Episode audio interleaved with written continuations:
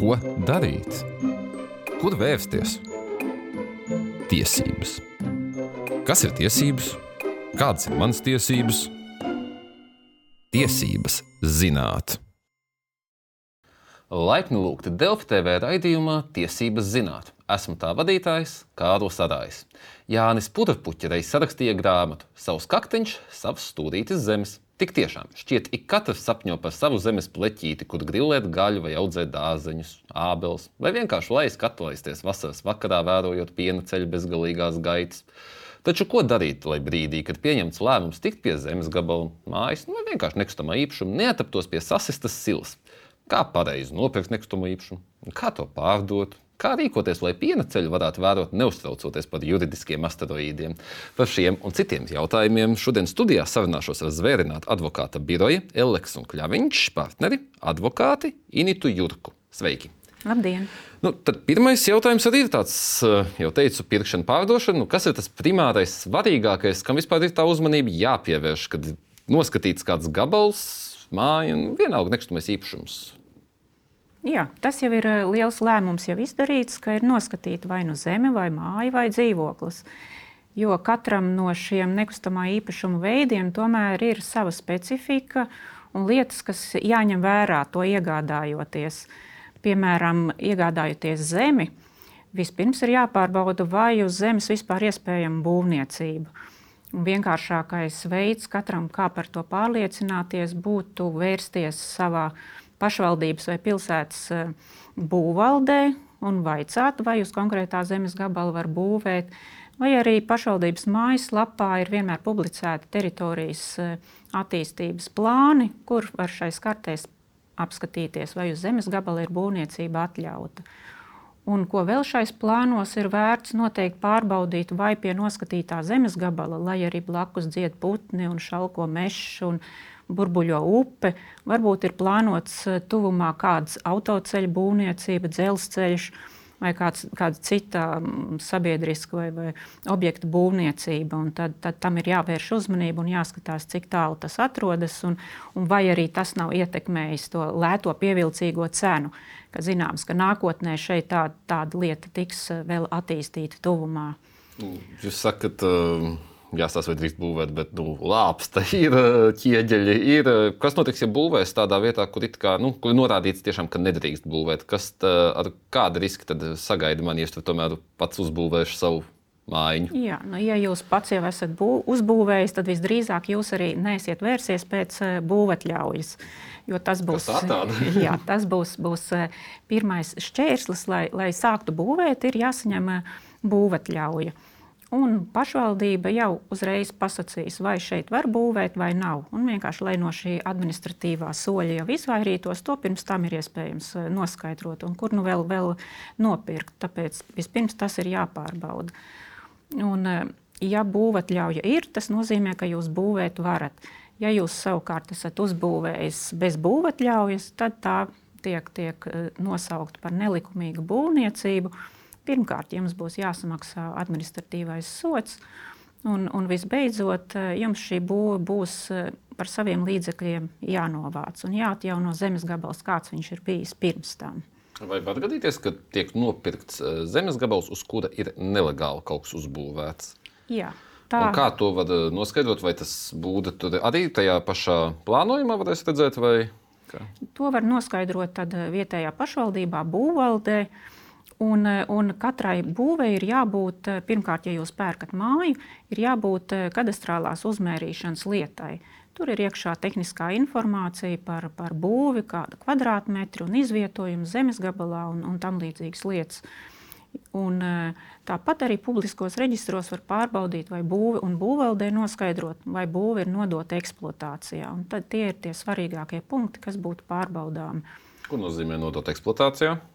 Tas nozīmē, ka ir bijusi izdota būvatļauja, būvdarbi ir veikti likumā noteiktā kārtībā, un pašvaldības atbildīgās personas ir vai nu apsekojušas, vai pārbaudījušas visu dokumentāciju, atkarīgs no konkrētas situācijas, un ir uzlikts liels pašvaldības būvvaldes zīmoks, ka būve ir gatava lietošanai. Mm -hmm. Un uh, tad, attiecīgi, biežākās problēmas, kas būs, ja mēs es, ne, es vienkārši esmu iegājis, nezinu, es esmu ieraudzījis baigi smuka vietu pie ezera, baigi lāt nopirkt, tad tās nu, faktiski būs, ka man pastāv risks, ka es tur nevarēšu neko uzbūvēt, vai arī, ka man blakus tūlīt būs Via Baltica 2. Jā, tas ir, tas ir iespējams, vai Rail Baltica vai Via Baltica. U, tas vēl nav viss. Vēl ir eh, jāpalūko, ja tas ir zemes gabals, cik tuvu vai tālu jums ir iespējamais pieslēgums eh, elektrībai. Jā, tas tiešām nākamais jautājums arī bija, ko es to varu apskatīties, vai man ir elektrība, kanalizācija, nu, komunikācijas spēka. Jā, elektrība, kan kanalizācija, ja jūs eh, pērkat zemes gabalu, tur, protams, visdrīzāk, ja tas nav apdzīvota vieta, nekā nebūs, būs pašam jāinvestē un, un, un jābūvē. Uh, šī, šī lokāla attīrīšanas iekārta savai, savai mājai par ūdeni arī līdzīgi. Visbiežāk privātmājas ārpus apdzīvotām vietām taisa pašu savu urbumu. Apdzīvotās vietās ir, kur ir noteikti obligāti pieslēgšanās pie, pie pašvaldības publiskajām komunikācijām. E, bet arī ar ūdeni jābūt uzmanīgiem. Varbūt e, īpašums atrodas aizsargjoslā, kādam ražošanas uzņēmumam vai ķīmijas eh, ražošanas objektam. Un ūdens ņemšana, pazemes ūdens ņemšana var būt ierobežota vai pat aizliegta. Atkal tas ir pārbaudāms un, un eh, attiecīgi tad var būt nepieciešams papildus investīcijas. Un tas ir pārbaudāms eh, gan publiskos reģistros, kadastra reģistrā, Un visvienkāršākais veids ir vērsties vietējā pašvaldībā, būvvaldē, lai šos jautājumus noprecizētu. Tad, tad tas uh, pamatdoma ir pirms pētām zemes gabalu pētam, pētam un vēlreiz pētam. Oblig obligāti. Jā. Vai ir arī kaut kā, vai tas pašam ir jādara, vai ir arī kaut kādas iespējas, nu, nezinu, to, kā sacīt, jāsaka, uzvelt uz kāda cita pleciem par samaksu? Jā, noteikti. noteikti. To dara um, pārdošanas, pirkšanas aģenti. To dara. Var arī, var arī pē, vērsties pie pie jurista pēc palīdzības, pie advokāta, kas šos jautājumus var, var izpētīt jau pirms, pirms pirkuma. Ar pirkšanu tā kā laikam būsim skaidri, bet tagad ir otrāda situācija. Man pieder zemes gabals nu, vai vienkārši nekustamais īpašums. Gribu no tā atbrīvoties. Kas ir tās galvenās lietas, kam man būtu jāpievērš uzmanība, lai nu, gan A es viņu pārdotu likumīgi un kārtīgi, gan B, nu, lai es nepaliktu gadu degunu bez zemes gabala un arī bez naudas. Teiksim. Jā, par, par naudu runājot, varbūt sāksim ar to, jo tas attiecās gan uz pirkšanu, gan uz pārdošanu, kur abām pusēm ir ļoti svarīgi. Kad viens samaksā naudu un zina, ka tā noteiks noteiktam mērķim un pretīm saņem šo īpašumu, savukārt pārdevējam ir pats galvenais atbrīvoties no nekustamā īpašuma un galu galā saņemt savu, savu naudu. Un, uh, Visbiežāk tiek izmantoti, izmantota trešo palī, personu palīdzība. Tas ir darījuma konts bankā. Ja tiek izmantots bankas finansējums, tad praktiski tas ir arī mm, obligāts risinājums, ko banka piemēro šādos gadījumos. Un vēl ir izmantojams notāra glabājums. Abos gadījumos mm, pircējs naudu ieskaita šai neatkarīgā vietā, vai tā ir banka vai tas ir notārs un šī nauda tur glabājas visu laiku, kamēr pircējs un pārdevējs kārto, kārto formalitātes saistībā ar īpašumu tiesību pāreģistrēšanu, kamēr aiziet pie notāra, paraksta iesniegumu zemes grāmatai, ko sauc par nostiprinājumu lūgumu, un iesniedz dokumentu zemes grāmatā, un īpašuma tiesības tiek pāreģistrētas. Un saņemot informāciju par īpašuma tiesību pāreģistrēšanu, Attiecīgi banka vai notārs šo naudu pārskaita pārdevējam. Un abas puses ir apmierinātas un drošībā. Viens ir ieguvis īpašumu, otrs ir saņēmis naudu par to. Tad pārdodot šis konts, tas, tas tā būtu tāda zelta standarts, lai būtu pavisam droši, ka visi būs apmierināti. Jā, jā ļoti svarīgi būtu paturēt prātā, ja jūs esat uh, pārdevējs nepiekrist eh, tādiem, nu, situācijas var būt ļoti individuālas, bet eh, nepiekrist tādam risinājumam, ka sākotnēji jūs piekrītat pārreģistrācijai un naudu pēc tam. Tad, tad gan, gan pircējiem, gan pārdevējiem no tā ir vairāk izrietoši riski, kā piemēram pircējs ir samaksājis šo pirkuma maksu jau, jau pārdevējam. Bet izrādās, ka pa to starpu, vai, vai pusēm nezinot, vai pa starpu, kamēr iet uz zemes grāmatu, e, ir uzlikts kāds tiesu izpildītāja liegums veikt darījumus ar īpašumu. Un, un šo risku novērš lūk, šī naudas noglabāšana uz laiku, bankā vai pie notāra. Mm -hmm. Un kāda es esmu veiksmīgi pārdevis? Man eh, tā nauda viss paliek man, vai man eh, nodokļos valstī arī kaut kas būs jāmaksā? Te, es, protams, saprotu, ir atsevišķas situācijas, ja tas man vienīgais eh, īpašums, kurā es dzīvoju, vai kā varbūt varat ieskicēt. Un, piemēram, mantojumā saņēmu zemi. Nu, mm -hmm. Man to nevajag pārdot. Jā, pamatā ir tas princips, ka ir jāmaksā. Mm, kapitāla pieauguma nodoklis, un tā likme ir 20%, un to aprēķina no īpašuma mm, pārdošanas vērtības mīnus iegādes vērtība.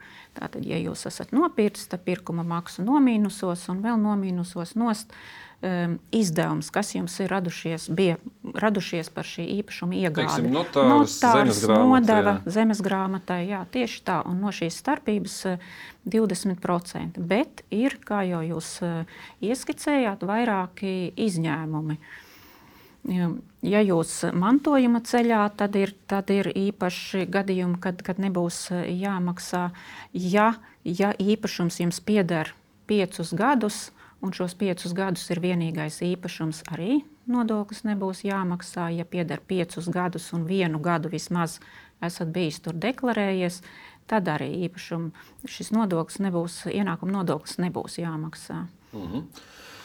Mēs jau visādas problēmas apskatām. Mēs apskatījām tikko pērkot, pirkšanas procesu, bet tagad es esmu nopircis, piemēram. Kas ir tagad tas pirmie šķēršļi, kas man vēl varētu būt tie, kas man traucē tiešām izbaudīt? Vai ir kaut kas, ko, kas man tikko esmu nopircis, jādara, jāiet kaut kur, jāreģistrē, kaut kas jādara? Nu, vai tad jau es esmu pilnīgi brīvs un laimīgs? Un... Tas, kas eh, vienmēr būs jāizdara, tas būs pašvaldībai jānoziņo ka, ka jūs esat ieguvis īpašumu. Lai gan mūsdienās tas notiek un īpaši lielajās pilsētās automātiski šie reģistri saslēdzās un šī informācija nonāk pašvaldības ieņēmuma pārvaldē, lai no jums varētu nākamajā gadā pieprasīt nekustamā īpašuma nodokli. Tas ir tā, jebkuram nekustamajam īpašumam. Par pārējām lietām, kas jums būtu jādomā, tas būtu atkarīgs no tā, kādu veidu īpašumu jūs nopirkāt. Par zemi jau uh, jau izrunājām par mm, māju. Mm, līdzīgi tad mm, visdrīzāk tehnisko stāvokli jūs būsiet izvērtējis pirms pirkuma, Un tad pēcāk, jau, ja jums ir renovācijas darbi paredzēti, tad atkal ir e, jāsaņem atļauja no būvvaldes, ja tas skar nesošās konstrukcijas un, un logu maiņa un, un fasādes izmaiņas. Tad procedūra ir atvieglota nekā jaunas ēkas būvniecībai, bet e, taču šie saskaņojumi ir, ir, ir jāsaņem. Un dzīvoklim jāparūpējas un jāpainteresējas, kas tad ir jūsu mājas pārvaldnieks.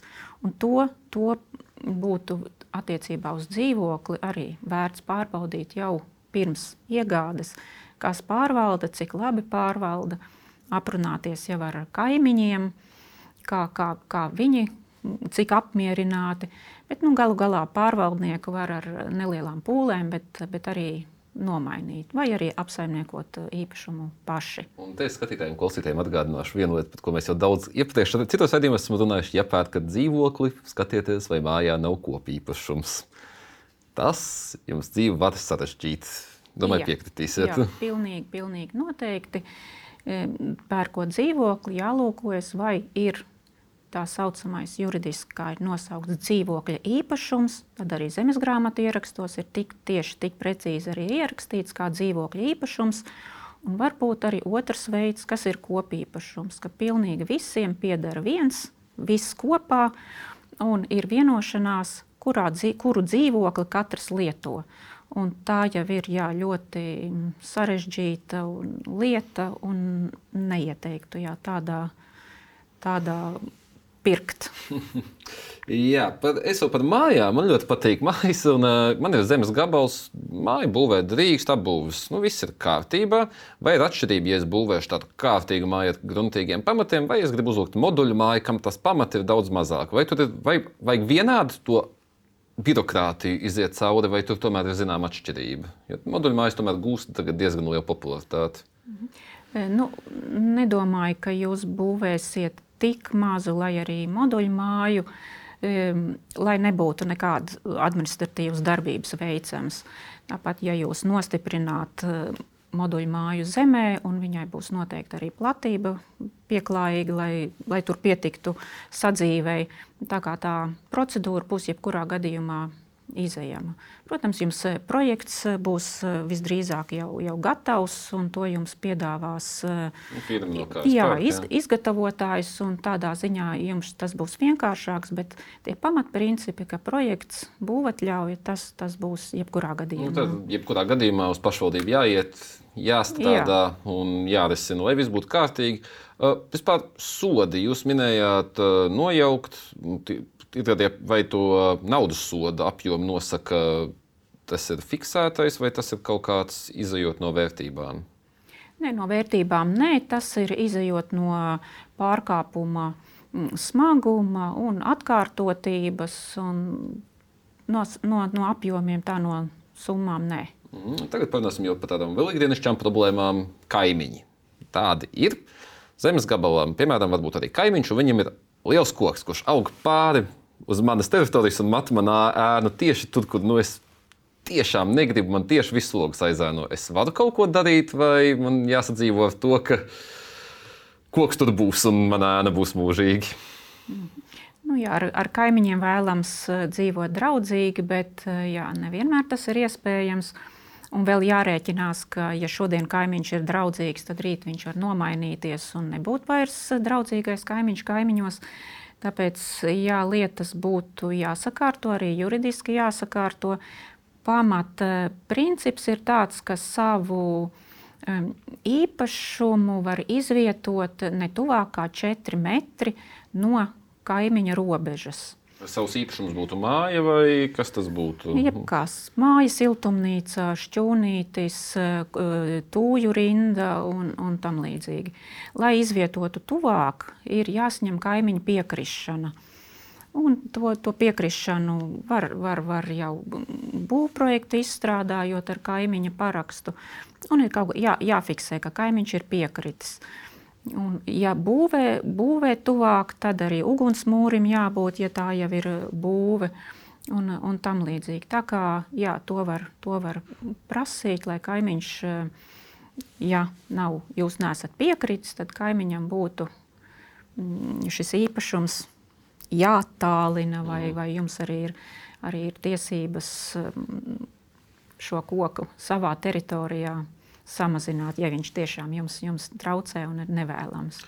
Un ko darīt, ja es, piemēram, gribu celt savu māju, viss ar atļaujām, viss ir absolūti kārtībā. Bet vienīgais ceļš, kā es varu tikt pie tā sava īpašuma, ir ceļa daļa, kas pieder tehniski manam kaimiņam. Viņš saka, ka te nekādi smagie nebrauks. Viņi izdangās man ceļu, visus sabojās. Es nevaru bez tiem smagiem savu māju uzbūvēt. Man ir zemes gabals, man ir atļaujas, bet man neļauj atvest eh, betonu ķieģeļus vispār, jo man ir kaut kādas vispār, iespējas cīnīties ar to. Jā, noteikti. Un eh, šis būtu arī, ja jums ir mm, pērkat zemes gabalu, to arī būtu noteikti vērts pirms tam jau pārbaudīt, vai ir piekļuve zemes gabalam no publiskas ielas vai ceļa. Un šī situācija, ko jūs minējāt, ir diezgan tipiska. Un, uh, šo lietu sauc par uh, servitūtu. Noteikti ir bieži dzirdēts šāds. šāds uh, Juridiski eksāmenos parasti pie šī vārda sāk svīst augsts viedrs. nu, jā, nav, nav, nav tik traki. Tas tipiskākais un, un dzirdētākais noteikti ir tieši ceļa servitūts. Servitūti var būt ļoti e, dažādi, bet tas populārākais būs ceļa servitūts. Tādos vienkāršos vārdos sakot, tā būs uh, tiesība, jūsu tiesība lietot svešu īpašumu. Un kā tas uh, izpaužas? Tādējādi, ka ar kaimiņu ir jāvienojas, un nepietiek tikai, lai mutiski vienotos vai, vai uzlikt pat to uz papīra, bet servitūts ir spēkā tikai tad, ja to iereģistrē zemes grāmatā. Un te ir atkal stāsts par kaimiņu draudzīgumu, nedraudzīgumu. Ja šodien ir iebraukts sliedes un jūs brīvi tur braukājat, un kaimiņš neiebilst, tad rīt jau kaimiņš var pārdot, un jūs varat zaudēt šīs tiesības šķērsot īpašumu. Un tāpēc par to noteikti ir, ir, ir jādomā un nedrīkst atstāt pašplūsmā. Ir šis servitūts jānoformē, jāuzmēra un jāreģistrē zemes grāmatā. Un gadījumos, ka ja kaimiņš nepiekrīt, tad nu, ceļš ir tiesa. Un tiesa tad vērtē, vai, vai šis piekļuves ceļš jums ir mm, gana tuvs, bet drīzāk priekšroka tiks dota tam, lai kaimiņa īpašumu pēc iespējas mazāk apgrūtinātu. Un, ja jums būs no citas puses piekļuve kilometra attālumā, bet caur kaimiņa gabalu 200 metri, tad tiesa vis, un, un to arī likums paredz, ka jums būs diemžēl jāizmanto tas kilometra garais ceļš. Ja, jūs, ja jums ir tāda iespēja, neapgrūtinot kaimiņus. Nu, Būsim draudzīgi ar kaimiņiem, bet šo draudzību nostiprināsim arī zemes grāmatā un citās lik citos likumā paredzētajā kārtībā. Bet, tojoties raidījuma beigām, man vienmēr ir eh, tāds teiksim, segments, kur es prasu zelta padomu, tādas atziņas, rezumē par šodienu runāto, un varbūt arī kaut ko, kas nav pateikts, pajautāts, kas būtu nu, svarīgs cilvēkiem, kas tagad varbūt pirmo reizi darbojās ar nekustamo īpašumu, mēģina pirkt vai pārdot, kas ir varbūt tādi zelta padomi? Es domāju, padoms numur viens ir jautāt, jautāt un jautāt. Jo nekustamais īpašums, nu, tas nav maizes kukurūzs vai, vai piena pudele. To visbiežāk eh, pērkam, ja ne vienreiz mūžā, tad, tad nu, ne bieži. Un, eh, tas ir nereti ir eh, emocionāli pirkumi, un tomēr atturēties no emocionāliem pirkumiem, bet izpētīt, izpētīt un vaicāt, vaicāt, vai tā ir pašvaldība, vai tas ir advokāts vai jurists, vai kāds cits padomdevējs, nekustamā īpašuma aģents, piemēram, un uzzināt maksimāli daudz un aptaujāt kaimiņus, lai, lai un, Nereti tas nav iespējams, bet, ja iespējams, pat uz zemes gabalu aizbraukt pavasarī, rudenī un, un tam līdzīgi aplūkot, uh, un jautāt un izzināt pirms veikt lielo lēmumu un lielo pirkumu. Nu, tad dzirdējāt to šeit. Jautāsim, jautāsim un vēlreiz jautāsim. Uz šo es arī teikšu jums paldies par sarunu, bet tad jums, dārgie skatītāji un klausītāji, tiksimies jau pēc divām nedēļām. Un atcerieties, mums visiem ir tiesības zināt savas tiesības. Atā! thank you